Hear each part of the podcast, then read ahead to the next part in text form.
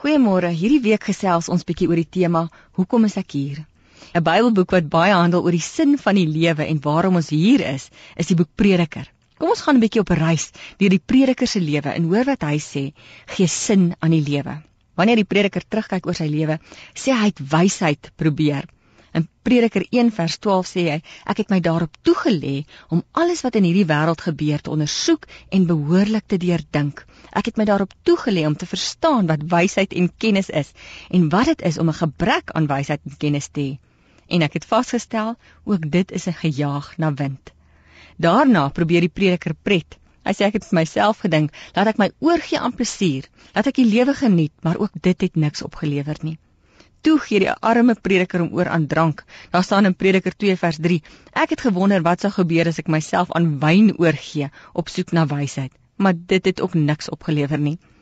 Toe probeer die prediker besigheidsgeleenthede. Daar staan in Prediker 2 vers 4: Ek het groot ondernemings aangepak. Ek het huise gebou en wingerde geplant. Ek het slawe en slavinne gehad. Ek het goud opgegaar, beeste en kleinvee. Hy sê ek was magtiger as almal voor my, maar dit het tot niks gelei nie. Hierna probeer die prediker vroue. Hy sê in 2 vers 8: Ek het talle mooi meisies gehad, maar dit het my ook nie bevredig nie. Dit was alles 'n gejaag na wind. Dan kom die prediker by die slotsom, die kruks van sy worsteling, en hy sê in Prediker 5 vers 6: Die sin van die lewe, waar die lewe gaan, is om God lief te hê en hom te dien. Ja, die prediker kyk terug oor sy lewe en hy sien al hierdie dinge wat hy probeer het en al hierdie uitdagings wat hy aangepak het. Hy sê maar op die eind was al hierdie goed leeg sonder God. God gee sin aan die lewe. Dan sê hy verder ook in hoofstuk 5 vers 17: Ek het nog iets gesien wat goed is. Dis aangenaam om te eet en te drink en die lewe te geniet onder al die gesoeg in hierdie wêreld. Dit kom 'n mens toe sy hele lewe lank wat God hom skenk. God gee aan die mens rykdom en besittings en laat hom dit geniet. God laat die mens sy deel ontvang en sy werk met vreugde doen. Dis 'n gawe van God.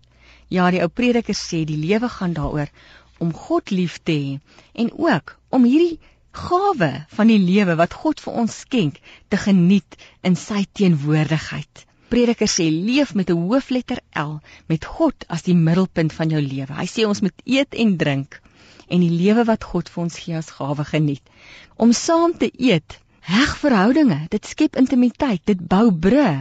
Navorsing het gevind dat gesinne wat ten minste een keer 'n dag saam eet, daar 'n 40% afname by selfmoord, dwelmafhanklikheid, drankafhanklikheid en depressie is by hierdie gesinne se tieners. Ja, dit dra waarde daaraan om verhoudinge te bou ook om 'n etenstafel. Moenie uitmis op die lewe nie. Die lewe is kosbaar en 'n wonderlike ding. Gryp die lewe aan en leef met 'n hoofletter L.